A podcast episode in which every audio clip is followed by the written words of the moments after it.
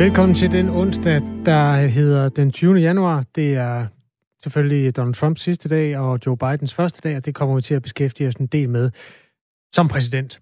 Øhm, ja, og vi følger også epidemiloven og nogle af de tiltagende protester mod samme. Det er også øh, en tid, hvor partiet Venstre, tidligere kendt som det største borgerlige parti i Danmark, øh, knæger noget i fugerne. Den analyse går vi også videre med. Og i det hele taget, så er det jo de nyheder, der, øh, ja, der ligger og, flyder rundt i nyhedsåen. Vi, vi fisker dem simpelthen op en for en. Og du må meget gerne være med til at perspektivere tingene. Hvis du har erfaringer eller holdninger eller gode spørgsmål, der hører hjemme i de emner, vi tager op, så skriv til os. Skriv til 1424. Start din besked med R4 og en besked eller et spørgsmål. Du må gerne fortælle, hvem du er. Lige nu er der 8 timer og 54 minutter til, at USA får en ny præsident. Der lægger øh, Joe Biden sin øh, ene hånd på Bibelen og siger de 35 berømte ord, der officielt gør ham til USA's øh, 46. 20. præsident. Det er en ny start for USA, men det er også i den grad et øh, stort punktum. For indsættelsesceremonien i dag markerer også enden på en øh, lang og øh, til tider bizarre præsidentvalgkamp, enden på fire år med Donald Trump, og enden, må vi formode, på en masse anklager om, at øh, det her valg det skulle være stjålet. Det er på mange måder en øh, historisk dag, og til at klæde os på til begivenheden har vi USA-korrespondent for Avisen Danmark, Emil Jørgensen, med os live fra Washington. Hej Emil. Hej med jer. Og det er derfor, der er lidt forsinkelse på linjen, vil jeg lige starte med at sige. Øh, Emil Jørgensen, hvordan har man kunne mærke i Washington, at der er noget stort under opsejling? Det har man kunne mærke på flere måder. Altså for det første, så ligner byen jo stadigvæk en militærzone. Har formentlig flere journalister, end der er i hele Danmark lige nu, tror jeg. Og så er der alle sådan nogle små gimmicks med isbutikker, der lancerer White House Chocolate Chip Ice Cream, der sælges Biden Donuts, og der er kommet sådan en Banana Bourbon Caramel øl på markedet også. Men det vil være en journalistisk stramning at sige til jer, at byen den lige frem summer fordi dagen før dagen, den har været meget stille. Når jeg sådan har gået rundt omkring Capitol Hill, altså selve scenen for onsdagens indsættelsesceremoni, så har jeg kunne høre fuglefløjt, jeg har kunne høre motionsløbere, der hiver efter vejret, og jeg har nærmest kunne høre lyden af min egen fodskridt har simpelthen ikke ret mange mennesker. Der er ikke ret mange almindelige mennesker. Og med almindelige mennesker, der mener jeg jo folk, som ikke enten er soldater eller journalister. En to meter høj mand, en Trump-supporter, han brød tavsheden på et tidspunkt med sådan en kæmpe stort væderhorn. Han blæste i hornet, så fugle de fløj væk, og journalister de nærmest kom løbende hen. Og så fortalte han, at ligesom med murene var faldet i det gamle Israels Jericho, så ved præstens pustens væderhornet, så ville demokraternes facade af løgne falde sammen, og Donald Trump ville forblive præsident, mente han. Men Manden med hornet, han var altså meget mutters alene, både med sin opbakning til Trump og med sin anklager om valgfusk. Jeg har faktisk øh, lyden af det væderhorn. Du har optaget øh, det til os, øh, Emil Jørgensen. Lad os lige høre det. Det er potent. Regner du med, at der kommer til at være noget øh, ballade i dag? Nej, det gør jeg ikke, fordi udover at Washington ligner en uigennemtrængelig fæstning, så har de her højere ekstremistiske grupper som Boogaloo Boys og Proud Boys, de har jo begge to været ude og aflyse nye angreb. De har ligesom set skriften på væggen, tror jeg. Så officielt er stormen, som FBI har frygtet, som FBI har advaret imod, den er altså afblæst. Er det så en garanti for, at alt bare forløber i fred og fordragelighed? Nej, det er det selvfølgelig ikke, fordi blandt QAnon-tilhængere, altså det her internetkollektiv af konspirationsteoretikere og højrefløjsekstremister, der er der blevet diskuteret i chatgrupper, at de vil forklæde sig som soldater for på den måde at lave angreb indefra. Mindst 12 soldater, de er forløbet blevet sendt hjem, efter at de har dumpet baggrundstjekket, men alligevel, så må jeg altså bare lige slå fast, der er en klar forventning om, at balladen den udbliver, både i medierne, blandt soldaterne, jeg snakker med, og blandt de få mennesker på gaden, jeg møder, der er der ikke nogen, der regner med, at det bliver voldeligt i dag. Der er jo en masse traditioner forbundet med sådan nogle indsættelsesdage, og øh, på grund af det høje alarmberedskab, der er, og så coronapandemien oveni, så bliver det jo en øh, indsættelsesdag, som den aldrig har set før i øh, amerikansk historie. Hvordan kommer den til at adskille sig fra, øh, fra tidligere indsættelsesdage? Det gør den på flere måder. Altså først og fremmest ved, at når Joe Biden han lægger sin højre hånd på Bibelen, når han bliver svoret ind, når Lady Gaga skal synge nationalsang, og når alt det her, der foregår på øh, Capitol Hill, det, det løber af stabel senere, så, så bliver det jo ikke for mere end 1000 mennesker. Normalt er der 200.000 billetter til ceremonien, og endnu flere tilskuere på The Mall, som er parken, der stod op til kongressen. Så da Barack Obama blev svoret ind i 2009, var der for eksempel næsten 2 millioner amerikanere, der var mødt op. Det er der ikke i år. Det er kun kongresmedlemmer og deres familie.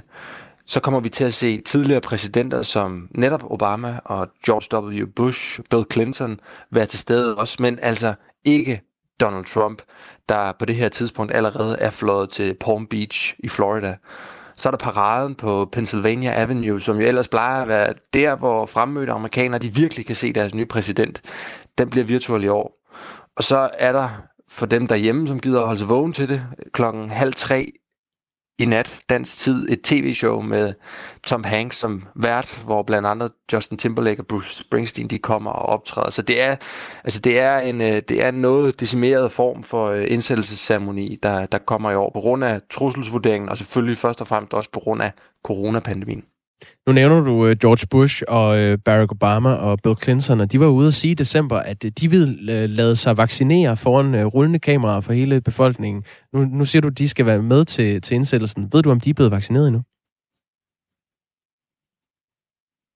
Der må jeg faktisk sige svar skyldigt. Det er ikke noget, jeg har set frem i medierne, så det, det tror jeg ikke. Øh, det er i hvert fald ikke noget, de har gjort for rullende kameraer, så vidt jeg er orienteret nu. Så håber jeg ikke, at der er nogen af lytterne, der lyncher mig, hvis, uh, hvis jeg tager fejl her. Jamen, skriv ind på 1424, start beskeden med R4, hvis du har uh, set noget til det. Det er i hvert fald et løfte, de har givet.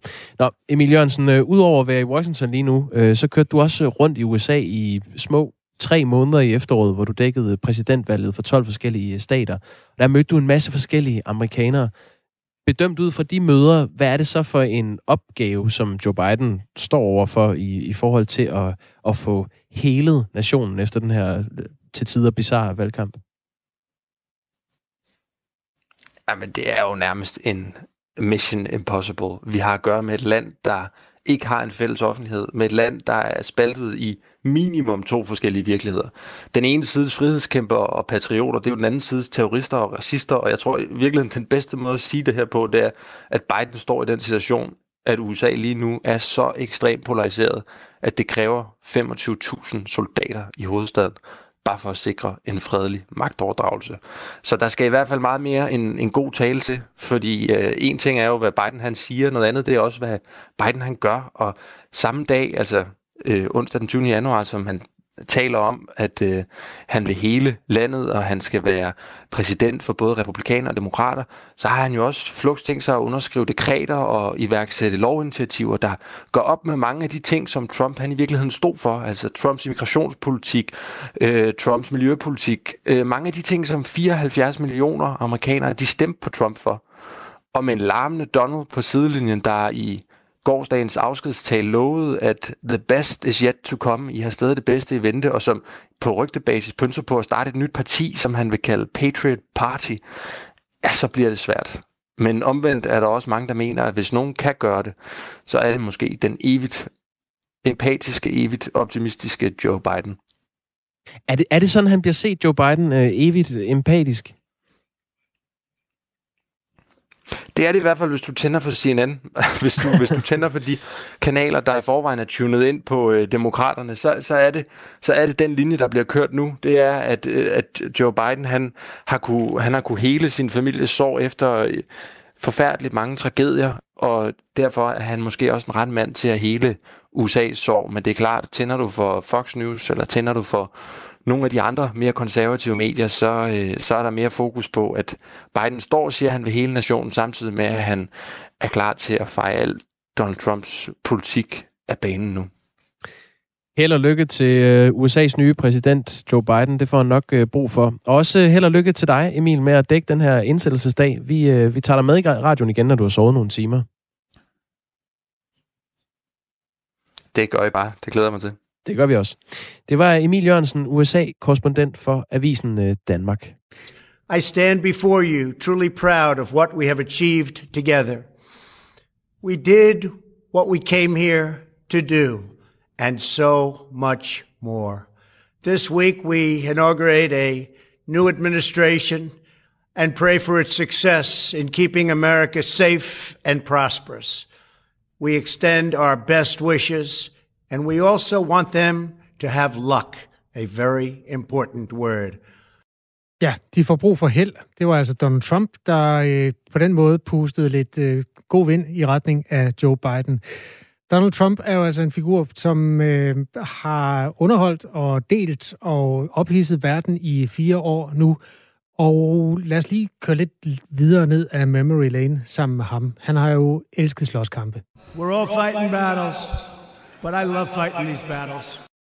Donald Trump elsker kampen, og han har kastet sig ud i rigtig mange af dem. Både mod eliten, institutionerne, normerne, konventionerne og selvfølgelig journalisterne. These are just dishonest, terrible people. The fake news is, in fact, and I hate to say this, in fact, the enemy of the people. Donald Trump har sagt mange ting på fire år, og pressen har haft travlt med at faktatjekke ham, ikke mindst hvad han har sagt om corona. We're prepared and we're doing a great job with it, and it will go away. Just stay calm, it will go away. Because of all we've done, the risk to the American people remains very low. Der er nærmest ingen risiko for den amerikanske befolkning, sagde øh, Donald J. Trump, som analyserede sig frem til, at corona nok skulle gå væk. Nu er der 400.000 amerikanere, der er døde af det. Donald Trump er selv en af de 24 millioner amerikanere, der har været smittet med corona. Inden Donald Trump blev smittet, eksperimenterede han med medicin, som han mente kunne beskytte ham imod viruset. Uh, many doctors think it is extremely successful, the hydroxychloroquine, and some people don't. Some people, I think, it's become very political. Uh, I happen to believe in it. I would take it. I, as you know, I took it for a 14-day period. Der er heldigvis øh, masser af videnskabelige rum, der ikke er udforsket endnu, og derfor kan man jo øh, diskutere, hvordan corona bedst skal håndteres, og det har Donald Trump hele tiden været klar til. 400.000, og hvis man skal sige det sådan helt retligt, øh, amerikanere er jo så efter deres coronasmitte afgået ved døden. Donald Trumps mange påstande vagte øh, stor kritik fra hans egne og fra øh, statens ansatte videnskabsfolk, og i sidste ende droppede, droppede Trump de fleste coronapressemøder, og øh, skød lidt genvej til vælgerne via Twitter. Han har tweetet 34.000 gange. Det er alligevel noget, selvom der er gået fire år. For nylig skete der så det, at Twitter lukkede for hans konto og beskyldte Trump for at opildne til vold i forbindelse med stormen på kongressen. Af samme grund øh, forlader den afgående præsident det hvide hus med en rigsretssag hængende over hovedet, en udvikling, han selv synes er farlig. It's really a continuation of the greatest witch hunt in the history of politics. It's ridiculous. It's absolutely ridiculous. I think it's causing tremendous danger to our country, and it's causing tremendous anger. Mens Washington D.C. i dag har travlt med at øh, sværge Trumps øh, efterfølger ind, så lover Trump i sin sidste video som præsident, at hans bevægelse fortsætter. Now, as I prepare to hand power over to a new administration at noon on Wednesday, I want you to know that the movement we started is only just beginning. There's never been anything like it. Og hvis øh, folk er uenige om mange detaljer, så tror jeg alligevel, de fleste vil kunne skrive under på den sidste sætning. There has never been anything like it. Ja, klokken er 19 minutter over syv. Du og, lytter til Radio 4 morgen. Ja, og vi kan sige, at vi øh, selvfølgelig er på sagen i forhold til den her indsættelse af den nye præsident i USA. Der kommer flere interviews, øh, som kommer til at, at kredse om det tema. 19 minutter over syv blev klokken. Og så kom sms'en alligevel. Vrøvl, der er ikke så mange, der døde af corona. Men med corona, typisk journalister, er der en... Øh, det er dig med endetal 00. Du ved, hvem du er. Og det er rigtigt nok. De døde ikke af, de døde med. Og det er jo den måde, man øh, opgør dødstal på. Øh, skal vi ikke øh, gå lidt længere ned af den coronaskeptiske sti? Det jo, vi har øh, haft en reporter med til en øh, demonstration i går. Øh, regeringen og et bredt flertal i Folketinget førstebehandlede i går den nye epidemilov, som vi talte med Institut for Menneskerettigheder øh, om tidligere her på morgenen. Institut for Menneskerettigheder, som øh, forholder sig relativt kritisk til den her nye epidemilov, selvom det er et revideret udkast af den oprindelige lov. Imens politikerne i går behandlede den her lov i Folketinget, så stod en stor gruppe utilfredse borgere ude foran Christiansborg. De demonstrerede mod epidemiloven og restriktionerne, som de mener er gået over gevind. Og så frygter de, at deres øh, frihed bliver taget fra dem, da ordet tvang indgår i epidemiloven. Vores reporter Anton Ringdal har været med til demonstrationen. Nu går jeg her på Christiansborg Slotsplads, hvor der er en stor menneskemængde, der lige nu er i gang med at larme og banke på. Jeg kommer ind fra Radio 4. Ja, Må, må jeg spørge dig om noget? ja. Hvorfor står du hernede i dag? For at demonstrere mod en fuldstændig misforstået øh, coronalovgivning. Der er ingen grund til vacciner.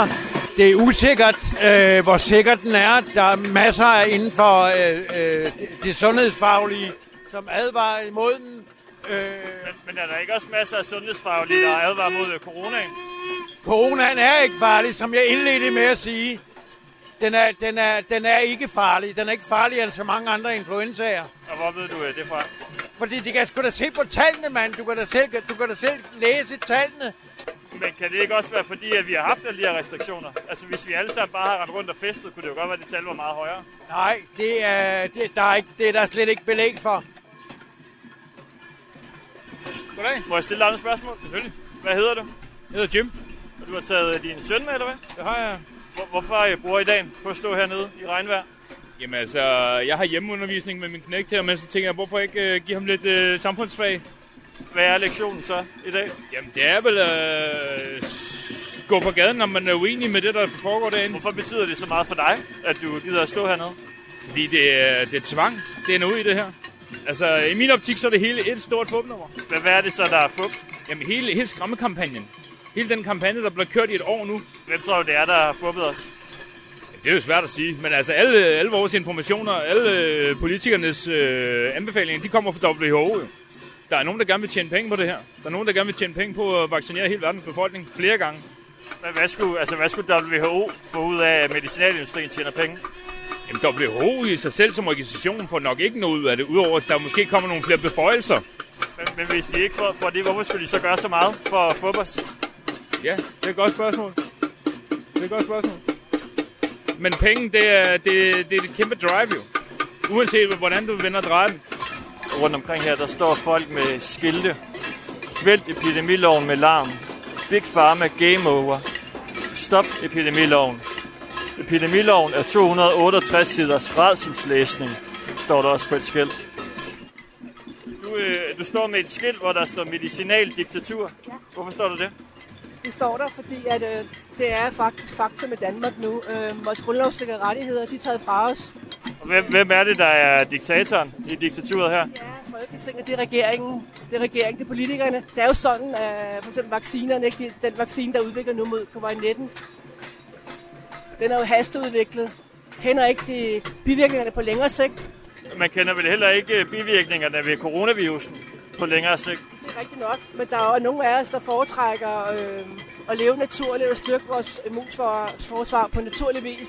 Så man kan sige helt kort, så stoler du mere på den ukendte virus, end på vaccinen, som forskerne har lavet. På, sygdom har været altid.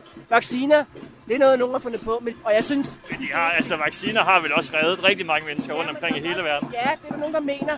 Men faktisk er det også fordi, at vaccinerne, det er sådan en del af mening om den. Jeg kan ikke sådan helt redegøre for det, øh, og selv når vi står her. Men der er faktisk en del af mening om det, fordi det kommer også, nogle af dem har selvfølgelig hjulpet, og øh, hvad hedder det, tilbage i tiden, ikke også? Men der er også øh, lidt, de er måske ikke, øh, de, jeg tror ikke på, at det er vores frelser, tværtimod. Må, må jeg spørge dig om noget? Ja, det må du gerne. Du står her lidt uden for pladsen og viser et øh, skilt til bilerne. Så, det er så det, øh, så det er nemmere at læse for dem, der kommer øh, forbi. Og hvad står der på det? Stop, epidemi- stop epidemiloven. Og hvorfor skal vi stoppe epidemiloven? Øhm, basically, fordi det bare er en influenza, og man har i øvrigt ikke isoleret vira- virusen 100%, så vidt jeg er orienteret. Kan du se nogle øh, positive effekter ved vacciner? Øhm, nej, det kan jeg egentlig ikke. Det er også derfor, jeg står her i dag. Du tror, du tror ikke, der er nogen vacciner nogen steder i verden, der kunne kurere nogle sygdomme eller hjælpe befolkningen? Øhm, det tror jeg, men jeg vil ikke lige lægge mig fast på, hvilke. Så er der vel også nogle af dem, der er fine nok. Det vil jeg ikke, øh, det vil jeg ikke, øh, det vil jeg ikke sige ja til. Det ved jeg overhovedet ikke nok om. Og hvad, altså, hvad, hvad skulle dem, der har lavet vaccinen her, få ud af at lave en uh, vaccine, som skader os? Det, øh, det kan jeg ikke overskue, hvad de skulle få ud af det andet, end de tjener en masse penge. Jeg ved ikke, hvorfor at de gør det, som de gør det. Og det gider jeg egentlig heller ikke at gå ind i andet, end jeg ved bare, at det ikke er godt for mennesker. Vil de ikke tjene flere penge, hvis de rent faktisk lavede en vaccine, som var god for mennesker? Jo, det ville det. Måske. Jeg ved bare, at jeg har står fast på retten til at sige nej. Hvor, hvorfor vil du ikke have vaccinen? Hvorfor jeg ikke vil have vaccinen? Fordi jeg gerne vil bestemme over min egen krop, og jeg ved godt, hvad der er godt for mig. Er coronavirusen god for dig? Øhm, apropos det der med coronavirus, den har jo ikke været isoleret endnu, så vidt jeg ved, selve viruset, så jeg ved ikke, hvad coronavirus er. Jeg har ikke set, at der er nogen virus endnu. Hvorfor er der så så mange, der er syge og senfølger og sådan noget? Jamen, det er der hver år. Der er jo influenza hvert år. Så dem, der, øh, der, øh, der så, øh, må man forstå, tror, de har corona, de har i virkeligheden influenza, eller hvad? Det ser sådan ud. Og hvad med alle dem, der får senfølger? Unge mennesker, der får senfølger og sådan noget? Det, Hvordan kan du vide, at, det, at det er det, de får senfølger af? hvad skulle det ellers være? Jamen, der er jo masser af andre øh, miljøtoksiner, øh, der gør sig gældende, så det, det vil man jo ikke kunne sige. Det er for hurtigt at sige, at, øh, at, det, er det, det, at det er det, det handler om. Ja, tak for det. God dag.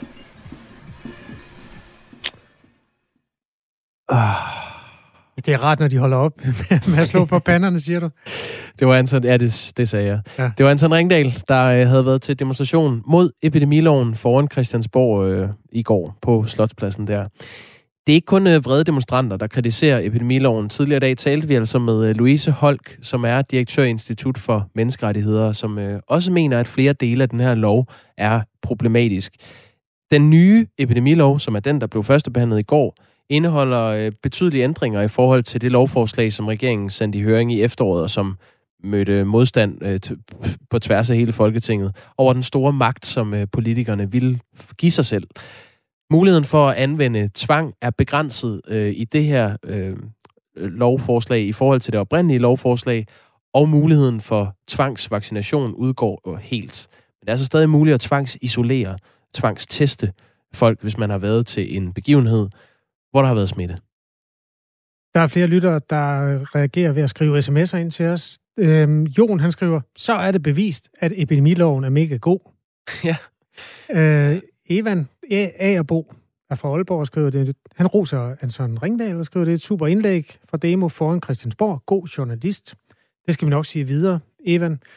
Og i øvrigt, hvis man vil ind i maskinrummet der, han havde en såkaldt boomstang med og var på to meters afstand, fordi øh, Radio 4 skal overholde reglerne. Og bare mundbind. Øhm, Daniel skriver, det er da komisk. Det demonstrerer mod epidemiloven. En lov, der er nødvendig, fordi en gruppe mennesker ikke overholder restriktionerne og går til demonstrationer.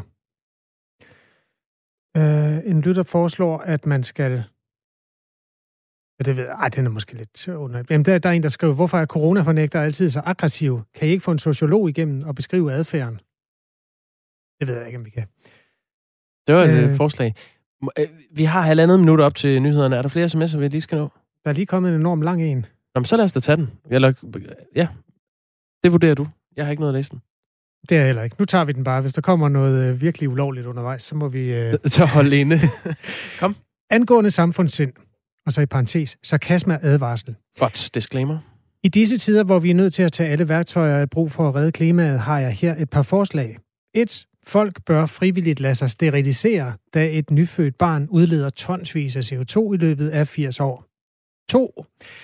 Da der er mange sterilisations, sterilisationsfornægtere, kunne man overveje tvangssterilisation. Især burde man starte med de helt unge, da det er dem, der knaller mest. De burde tænke lidt mere på andre mennesker, og så bør man jo alligevel ikke knalde før ægteskabet. 3. Hvis det er at gå for langt i forhold til personlig frihed, så kunne man indføre en fødselsskat, således at folk afskrækkes økonomisk fra at få for mange børn. Fire Sidstnævnte vil dog ikke afskrække dem, der har røven fuld af penge, således kunne man også prøve at notche folk ved, at de får et pas, der giver dem lov til at flyve og gå til koncert, for eksempel med Philip Faber, hvis de bortadopterer de børn, de får efter deres første barn.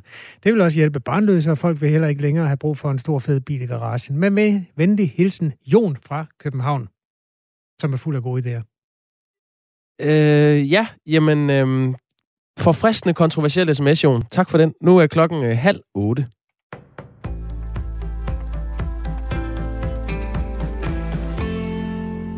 Lederne af Folketingets partier er indkaldt til møde i dag. På dagsordenen er, så vidt vides, kun et enkelt emne, nemlig status på vaccinationer. Det oplyste Christian Thulesen Dahl, der er formand for Dansk Folkeparti i en sms i aftes. Mødet bliver virtuelt, og det starter efter planen kl. 16.15. Det er ikke oplyst, hvad partilederne mere præcis skal tale om. Meldingen om mødet kommer efter, at Sundhedsstyrelsen i går oplyste, at Danmark får halvt så mange vaccinedoser som ventet i den her uge fra selskaberne Pfizer og BioNTech. Vi får 35.100 doser, og en oversigt hos Statens Serum Institut viser, at der var forventet 59.475 doser i uge 3. Desuden kommer de næste ugers leverancer også til at blive ramt, lyder det fra Sundhedsstyrelsen. Vaccinen fra Pfizer og BioNTech er en ud af to vacciner, der er godkendt til brug mod coronavirus i Danmark. Og så er det netop kommet frem, at Danmark her i første kvartal vil få 10 procent færre vacciner af Pfizer og BioNTech end planlagt. 12 soldater i den amerikanske nationalgarde er fjernet fra opgaven med at sikre indsættelsen af Joe Biden som præsident i dag. Det meddeler chefen for Nationalgarden inden indsættelsen. Thomas Sand orienterer. Tiltaget kommer efter, at der er foretaget baggrundstjek af, om nogle af soldaterne har forbindelse til yderliggående grupper på højrefløjen. I går eftermiddag skrev flere amerikanske medier om, at to soldater var fjernet fra tjeneste, fordi de kan have bånd til militante højregrupper. Det gælder dog ikke dem alle 12, meddeler en talsmand for det amerikanske forsvarsministerium Pentagon. Og det er heller ikke klart, om der er konstateret en sådan forbindelse, understreger nyhedsbruget AFP. Forbundspolitiet FBI har været i færd med et omfattende baggrundstjek forud for ceremonien i Washington i dag. Det handler også om andet end eventuelle bånd til yderliggående grupper, siger en talsmand for Pentagon til Reuters. I går afleverede FBI en liste med navne på soldater, der kan have forbindelse til yderliggående grupper til Nationalgarden. Der er dog ikke umiddelbart fundet noget, der tyder på, at der er en aktiv trussel mod Biden eller indsættelsesceremonien. Over 25.000 soldater fra Nationalgarden er indkaldt til at sikre indsættelsen af Joe Biden som præsident og Kamala Harris som vicepræsident. Store dele af den amerikanske hovedstad Washington D.C. er spærret af. Tyskland forlænger de coronatiltag, der gælder i landet frem til midten af februar. Det meddeler forbundskansler Angela Merkel efter et møde med de tyske delstaters politiske ledere. Merkel siger, at bestræbelserne på at kontrollere coronasmitten nu er truet af, at den nye variant B117 breder sig i Tyskland. Den er til stede i landet, men er ikke den dominerende variant lige nu, siger kansleren. Vi må handle nu og tage forebyggende skridt mod truslen fra dette virus, siger Merkel på et pressemøde.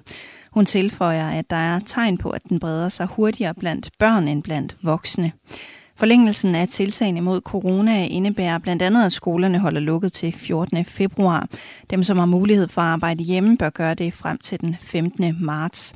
Der bliver også indført strengere krav om at bære mundbind i butikker og i offentlig transport, meddeler regeringen i Berlin. I dag får vi skyet vejr med dis og udbredt regn, men i løbet af eftermiddagen mulighed for tørvejr over de sydøstlige egne. Temperatur mellem 5 og 8 graders varme og jævn til hård vind fra syd og sydvest og risiko for pletvis glatte veje i vendsyssel. Mit navn er Signe Ribergaard Rasmussen, og jeg vender stærkt tilbage, når klokken bliver 8.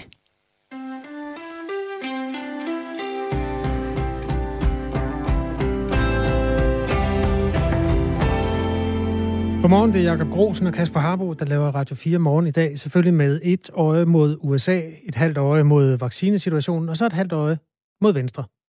Jeg er bestemt det store dyr på savannen, indtil et folketingsvalg måtte vise noget andet.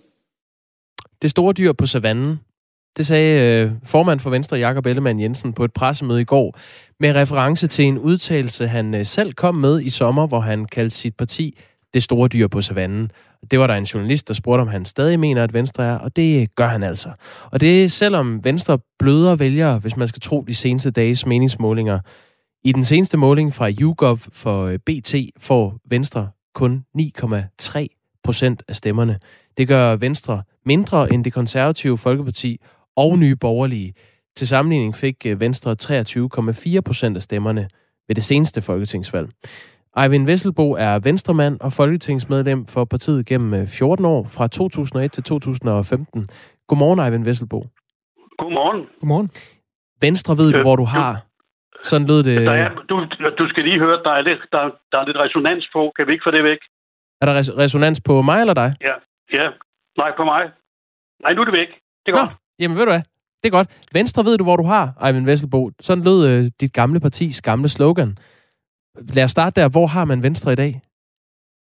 Ja, altså nu, øh, nu, nu har der jo været en masse uro og ballade, og nu går jeg ud fra, at øh, nu er Venstre på vej øh, derhen, hvor man så ved, hvor Venstre er. Fordi det er klart, at der har været nogle forskellige meldinger, som har gjort, at der er blevet noget uro, og at, øh, at Venstre er sunket i meningsmålingerne.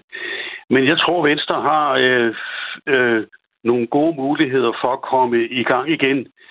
Det drejer sig bare om, at Venstre nu ligesom får et menneskeligt ansigt. Venstre, Venstre har jo igennem lang, lang tid ligesom defineret sig selv gennem straf, restriktioner, sanktioner og stramninger. Og det er jo ikke Venstre. Det er jo noget, man har, man har annekteret fra blandt andet øh, Dansk Folkeparti og Nye Borgerlige. Og det er det, vi skal væk fra nu. Og derfor tror jeg, at Venstre Øh, kan blive det store dyr i åbenbaringen igen, eller på sagen, havde jeg sagt, og at, øh, at man ved, hvor man har Venstre. Vi skal have Venstre tilbage som Venstre. Eivind Vesselbo, det, det, er jo, det er jo en holdning, der er i, også i partiet, og den du, øh, du giver udtryk for her, at, at det ikke er Venstre at være øh, strammer osv. Men det øh, efter at have talt med flere stemmer fra baglandet i, i Venstre her de seneste dage, så står det ikke helt klart, at det er den eneste holdning, der er i partiet. Hvor, øh, hvor enig tror du, man er om den linje, øh, Venstre skal lægge sig på fremadrettet i partiet? Jamen, Jamen, den tror jeg synes set, der er meget enighed om, fordi det her, det drejer sig ikke om, om, om retorik, om stramninger og, og restriktioner, som man hele tiden råber øh, ud i æderen. Nej, det her, det drejer sig om, at man har en politik, der kan realiseres, og der er det da klart, der er der da nogle af de ting, som er, er nødvendige at gøre, men det er jo ikke det, der skal definere Venstre som, som alene. Vi har jo også en, en, en miljøpolitik, en energipolitik, og hvis Venstre skal have et menneskeligt ansigt, så skal man også ind på socialpolitikken. Der bliver spurgt, jamen hvad er forskellen? Det hørte jeg i går i sport. Hvad er forskellen på, på, på, øh, på Venstre og Socialdemokratiet? Jeg går ikke så meget op i, hvad der er forskel mellem Venstre og Socialdemokratiet. Jeg går op i, hvad kan Venstre få igennem af sin egen politik? Og der skal man selvfølgelig det, følge, følge det, som som, som, man behøver jo ikke at sige det samme som alle de andre. Altså det der med stram udlændingepolitik, eller det skal kunne betale sig at arbejde, det, det tror jeg, folk har forstået, at det er det, Venstre går ind for. Venstre skal sætte en ny dagsorden, hvor man har et menneskeligt ansigt, og hvor det ikke er straf, og hvor det ikke er Pernille Vermund, der definerer, hvad Venstre skal gøre. Men det er, jo, det er jo egentlig meget interessant, det du siger her, øh, Eivind Vesselbo. Du er jo faktisk selv i, i 80'erne, var du medlem af Socialdemokratiet. Øh, senere blev du så venstremand. Men nu prøver jeg lige at beskrive et parti. Et bredt forankret parti, som kærer sig om et stærkt velfærdssamfund, ansvarlig økonomisk politik, jobvækst i en grøn omstilling og stram og konsekvent udlændingepolitik. Er det, er det Socialdemokratiet eller Venstre, jeg beskriver der? Ja, det er Venstre, vil jeg gå ud fra. Øh, men det, jeg sagde før, det er, det synes jeg ikke så interessant for mig, øh, om det er Socialdemokratiet eller Venstre. Det, der er interessant for mig, det er, hvad kan Venstre, hvor kan Venstre finde noget, nogen at arbejde sammen med, hvor vi kan få vores politik igennem. Og det er da fint, hvis det dækker både Venstre og Socialdemokratiet. Øh, så har man så nogle forskellige måder at nå frem til øh, målet, men man kan da godt have nogle, nogle, nogle målsætninger, som kan, kan ligne hinanden. Det synes jeg, der er fint. Jamen, det er nemlig, det, det, er, det er, de ord, jeg kom med, det var politisk ordfører Sofie Lødes beskrivelse af, Venstre ja, til, og til DR. var det jo Venstre, ja. Ja, men, men Eivind Vesterbo, det er jo, politik er jo bare et nulsumspil. Øh, Så hvis man henter nogle stemmer fra et parti, jamen så, ja, så ryger stemmerne fra et andet parti, selvfølgelig. Så hvis øh, So- Socialdemokratiet står med, øh, med nogle af 30 procent af stemmerne, Venstre er nede omkring ja, mellem 9 og 13 procent i meningsmålingerne lige nu. Hvordan skal Venstre så hente stemmerne fra Socialdemokratiet, hvis de ikke adskiller sig fra Socialdemokratiet? Jamen, det er meget nemt, fordi i øjeblikket, nu nævnte jeg før, man kunne gå ind på socialpolitikken. Venstre kan sagtens gå ind og, over, øh, og for eksempel øh, komme med en lang række forslag på at hjælpe de psykisk syge, på at hjælpe de handicappede, på at hjælpe de ældre svage, på at hjælpe de anbragte børn. Der har man en motorvej at køre. Man har det også på, på øh, man kan gå ind på energiområdet, med, med, med, med den grønne omstilling og energiomstillingen. Alle de der områder, hvor alle siger det samme, men hvor man er nødt til at definere, hvad det er, man vil. Og derved får du forskellen, men derfor får du også mulighederne for at lave nogle kompromiser, så du får din politik igennem. Så jeg mener, der er en motorvej for Venstre, som ingen andre i øjeblikket beskæftiger sig med andet end at øh, følge op på en masse øh, ting, som højrefløjen definerer. Tilbage i 70'erne og 80'erne var normen, at Venstre lå omkring de der 12 procent af stemmerne, hvor de øh, ligger i meningsmålingerne i, i dag. Mener du, at det er givet, at Venstre skal være det her store dyr på savannen, som øh, Jakob Jacob Ellemann beskriver det? Altså det mener jeg, at vælgerne vil gøre Venstre til igen, øh, når Venstre kommer lidt på fod. Nu skal vi overstå for vores landsmøde her på søndag. Og når der bliver ro, og når Jacob Ellemann ligesom får ro til at komme videre og få defineret også nogle af de ting, jeg siger. Jeg har jo sagt det også, mens jeg sad i, i, øh, i Folketingsgruppen. Jeg har sagt, jamen på et eller andet tidspunkt, så rammer Venstre muren med den der højre drejning. Og det vil sige, at så er vi altså nødt til at definere Venstre som Venstre igen, så man ved, hvor man har Venstre. Og det er ikke hverken Dansk Folkeparti eller Nye Borgerlige, der skal definere, hvad Venstre skal, skal, øh, skal lave af politik, eller hvad Venstre skal sige. Det har det har trukket alt for meget ud i højre, i højre side af Folketinget, og det skal vi det er ikke fordi, vi bare skal være på midten, fordi det vil jeg heller ikke være.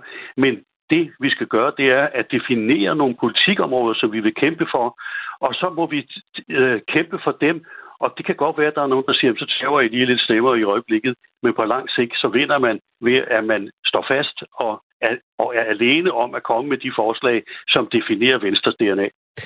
Eivind Vesselbo, nu er du inde og beskrive det, Venstre skal gøre, og det er jo sådan set det, vi prøver at komme frem til med forskellige øh, venstrestemmer i de her dage øh, fra baglandet, også tidligere øh, øh, medlemmer af, Folketinget, som, som du er. Altså, Lars Lykke lave den bane op. Han sagde, det er samarbejdet ind over midten fri fra højrefløjens ultimative krav, formulerede han det. I dag er der lagt op til, at man igen skal, man, man opererer i blå blok, og man vil lave et samarbejde, et flertal i, i Folketinget med for eksempel Dansk Folkeparti og Nye Borgerlige, som du lidt tager afstand fra her. Kan du se, at man kan lave et parlamentarisk flertal med Nye Borgerlige og øh, Dansk Folkeparti i fremtiden? Jeg tager ikke bare lidt afstand fra Nye Borgerlige, jeg tager meget afstand fra Nye Borgerlige, for jeg mener ikke, at Nye Borgerlige overhovedet kan bruges til noget øh, politisk. De har fire mandater nu, og det virker jo som om i medierne, at det er det største parti. Og der er det, Venstre skal gå ind og markere en forskel til nye borgerlige øh, på Venstres præmisser, på Venstres DNA, og man skal ikke lade sig omklamre ved at hælde, øh, hælde, hvad hun, Pernille Vermund hele tiden forsøger at, at omklamre Venstre. Venstre skal stå for sig selv, dem Jacob Ellemann i egen ret, øh, det blev et nyt ord.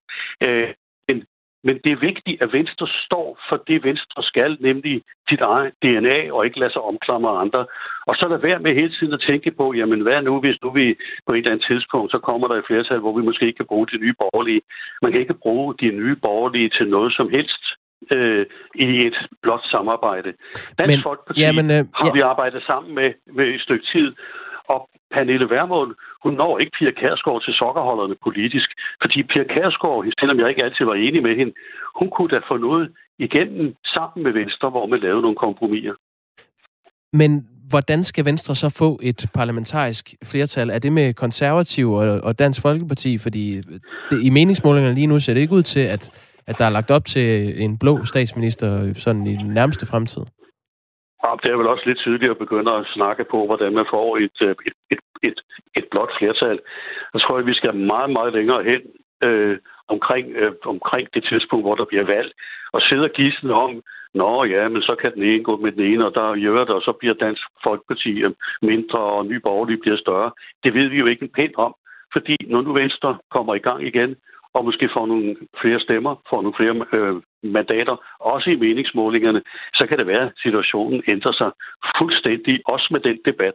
Jeg ved godt, at det er spændende for, for journalister at diskutere de ting. Jeg synes ikke, det er spændende, fordi det, der interesserer mig, det er at for den danske befolkning som politiker, og ikke sidde der og øh, lave stridighed om, hvem man skal arbejde sammen med.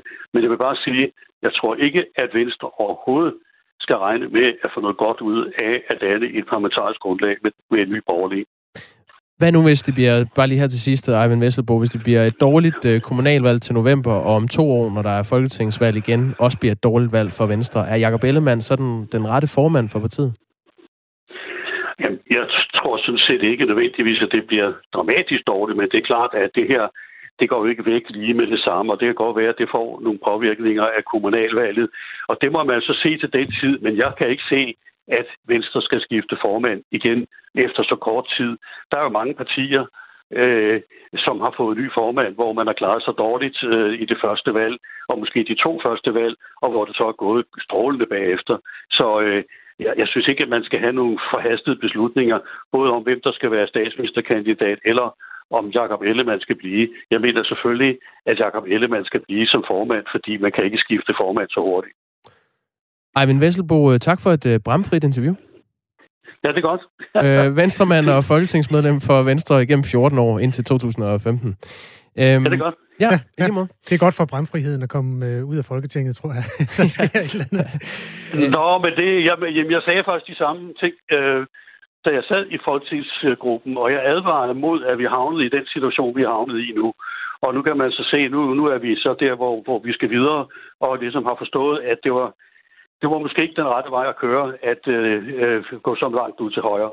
Det var en anden måde at sige, hvad sagde jeg på, Eivind Vesselbo? Tak for Nå, du... ja, men det, sådan er jeg ikke, men altså, det, nu sagde jeg det. Ja, det er fint. det kan jo ske. Det er godt. God dag til dig. Det er godt, du. Hej, hej. Hej, hej. Hej. Mariam skriver, øh, jeg er vild med den mand her. Politik handler om meget mere end stram udlændingepolitik. Øhm, så er der... Oh. står her, Vennelbo får en gammel venstremand som mig til at overveje at gå ud. Trist. Altså Vennelbo, hvis det er Vesselbo, så er Vesselbo jo gået ud, så du behøver ikke gå ud, fordi han er der i hvert fald. Øh, tak, Eivind Hessel.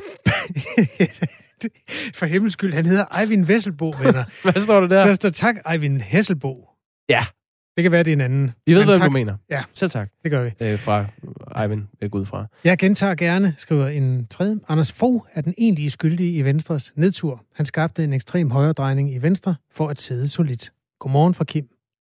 Daniel Hansen skriver, øh, et sted at starte for Venstre er jo at stoppe med at lyve befolkningen lige op i ansigtet ved at kalde sig for liberale, oven i købet i deres slogan.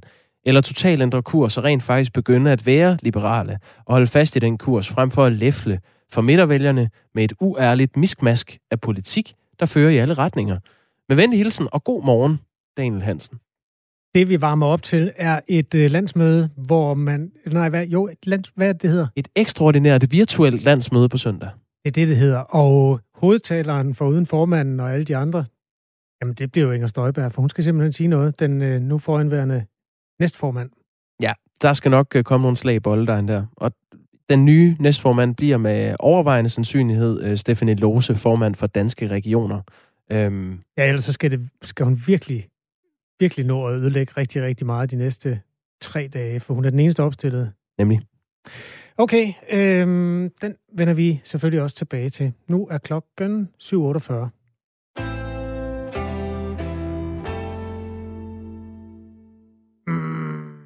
ved du hvad, vi skal simpelthen se på Fredericia Teater nu. Øhm, dengang coronaen ramte landet, der øh, var det første offer, kan man sige, Fredericia Teater, som gik øh, konkurs med millionunderskud. Det var i virkeligheden på grund af for få solgte billetter. Men det faldt jo øh, sådan timingmæssigt fornuftigt sammen med det mørke, der sænkede sig over hele underholdningsindustrien i Danmark på det tidspunkt. Den nye udvikling i den sag er, at øh, Fredericia Byrådet nu har besluttet at investere i et nyt musicalteater. Det hedder Fredericia Musicalteater. Der skal investeres 11 millioner kroner årligt. Det er faktisk fuldstændig samme beløb, som det konkursramte og lukkede Fredericia Teater fik i tilskud indtil konkursen. Øhm, det er selvfølgelig en lokal historie, men det er jo også en øh, perspektivrig historie i en tid, hvor lige præcis den branche er ekstremt hårdt ramt. Derfor skal vi tale med Christian Jørgensen, som er næstformand i Kultur- og Idrætsudvalget i Fredericia. Godmorgen. Godmorgen. Og så er du bestyrelsesmedlem i den nye bestyrelse for Fredericia Musical Teater. Tillykke med det hele. Ja, tak skal du have. Der var ikke råd til at holde det gamle teater kørende. Det gik konkurs øh, for knap et år siden. Hvorfor er der så pludselig råd nu? Ja, helt så enkel, øh, helt så enkel er historien jo ikke. Øh, hvad det hedder, um, det man øh, kiggede ind i med øh, det gamle Fredericia Teater, som jo var en, øh, Frederi- en fantastisk succes på det kunstneriske område, det var jo en, øh, en vingeskudt økonomi med baggrund i, et, øh, i flere ting, men øh, væsentligt et øh, svigtende billetsalg til uh, Tarzan-forestillingen på Frederiksberg, uh, hvor der manglede billetsalg for 35 millioner kroner i forhold til uh, budgetterne. Uh, I halen af det bruger man så ekstra markedsføringsomkostninger, uh, som måske ikke har den, den ønskede virkning fuldt ud i form af, af øget billetsalg. Uh, det skaber et, det skaber et, et hul i kassen. Uh, og så står man over for en uh, Shubidua-forestilling, uh, som øh, måske, måske ikke kunne have holdt det gamle mm. teater flydende, øh, og så kommer coronaen øh, og bliver den berømte øh, dråbe, der får glasset til at løbe over. Øh, jeg synes også, det er rimeligt at sige, at, øh, at hvis man vil forholde omkring, øh, omkring det gamle teater, jamen så må man, øh, så må man kigge øh, på, øh, på den direktion og den bestyrelse, som øh, sad ved roret der. Mm. Nu er jeg udpeget af byrådet til at være byrådets repræsentant i en bestyrelse for en ny selvejende institution, der skal prøve at starte tingene op igen. Christian Jørgensen, af... inden du går videre, så får jeg, nød, ja. jeg bliver lige øh, nødt til at stille spørgsmålet en gang til. Altså, der var ikke råd til at øh, give 11 millioner til det gamle teater. Hvorfor er der råd til at give 11 millioner til det nye? Jo, der var råd til at give øh, 11 millioner kroner til øh, det gamle teater. Altså, øh, Fredericia Byrådet havde en, øh, en årlig afsætning til det gamle Fredericia Teater på 11 millioner kroner. Derudover igennem årene har der været flere ekstra bevillinger, når teateret har været udfordret. Så det var der i høj grad råd til. Så du kan sige rent budgetmæssigt, der afsætter vi i 2021 budgettet til det nye teater præcis samme beløb, som vi i årene forud havde afsat til det gamle teater. Så det var der råd til. Okay.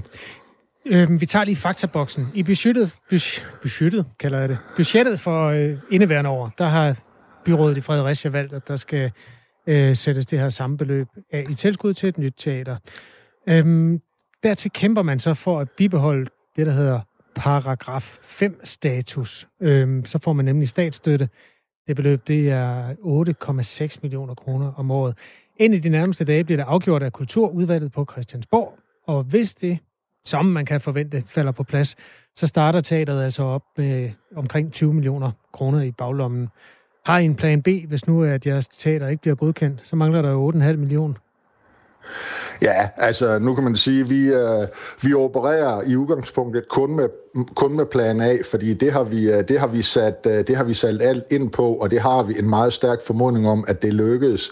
Vi har lige her i fredag sendt uh, svar på nogle supplerende spørgsmål, som Kulturministeriet havde havde stillet til os, og det er helt berettiget at de stiller de spørgsmål med med det bagtæppe en mente, som du selv har været inde på.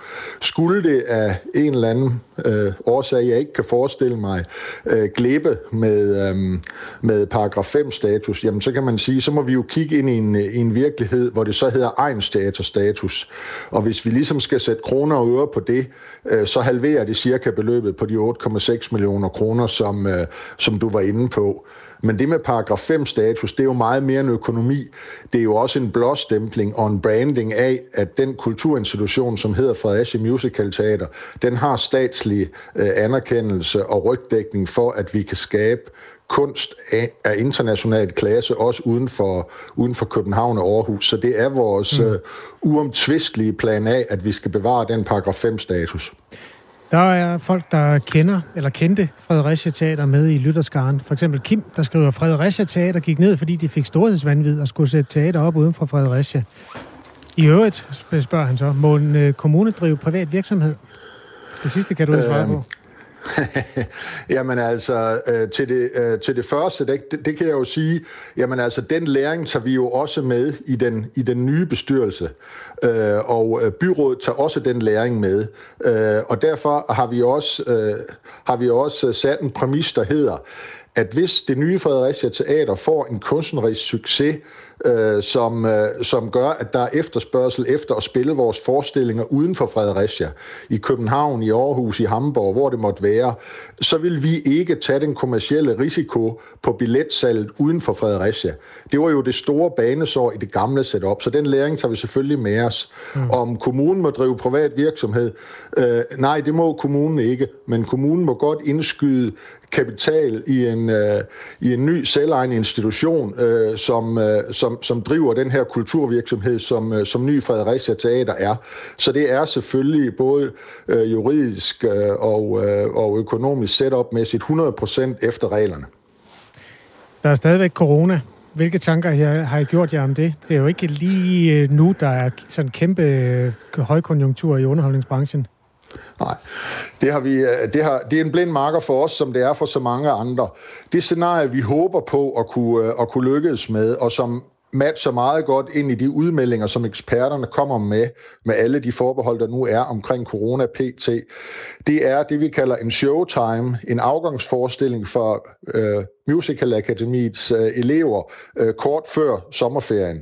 Så efter sommerferien, sensommeren, en børnemusical, øh, og så øh, øh, forhåbentlig til øh, november sidste kvartal 2021 en, øh, en kvalitetsmusical på højt, på højt niveau. Det er, det er det, vi går efter, og det vi håber på. Vi har coronaen som blind marker, som alle andre. Vi må så også sige, hvis at øh, eksempelvis den her afgangsforestilling før sommerferien må skubbes til efter sommerferien, så er det ikke noget, der rokker teaterets økonomi. Altså, og, og pengene flyver jo ikke op af kassen af sig selv, hvis ikke vi kommer til at afholde de her øh, forestillinger, som vi går efter, øh, jamen, øh, så bliver øh, langt størstedelen af pengene jo i, øh, i kassen til, øh, til bedre tider. Øh, så vi, vi, vi håber øh, på, at vi kan følge den øh, plan, vi, øh, vi har lagt, men vi har naturligvis, som alle andre, også corona som en, øh, som en blind marker. Tak fordi du var med, Christian Jørgensen. Tak fordi jeg måtte være med. Venstremand og næstformand i Fredericias Kultur- og Idrætsudvalg og med i bestyrelsen i det nye musicalteater, der hedder Fredericia Musical Teater.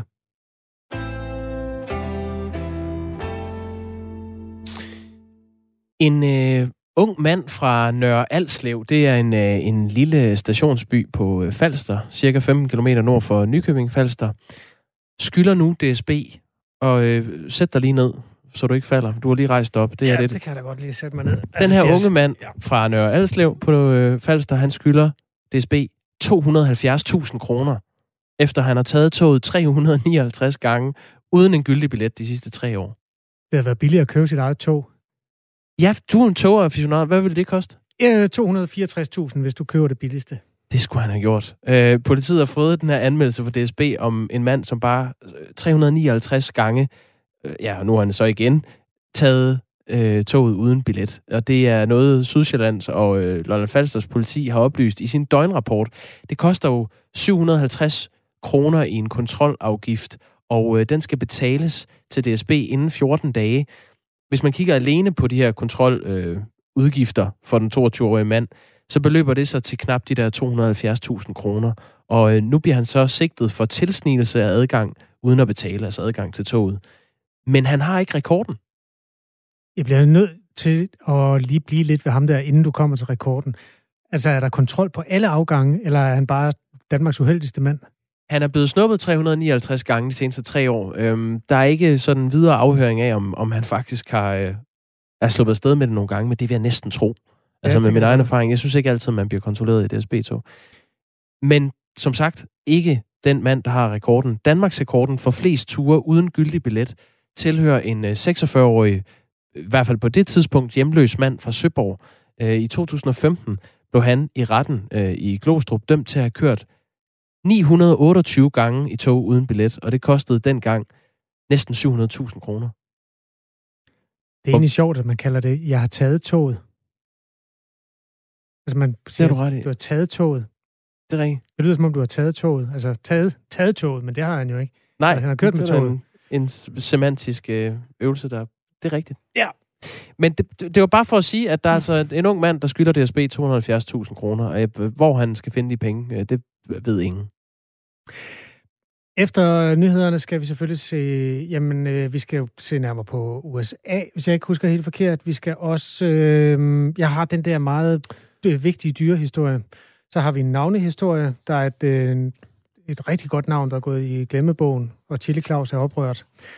Åh, oh, spændende. Og så kommer det også til at handle om en uh, ny samtykke-app, hvor uh, på bedste mobile pay-vis, man lige kan swipe, uh, og så kan man give samtykke til et samleje, som giver, virker i 24 timer.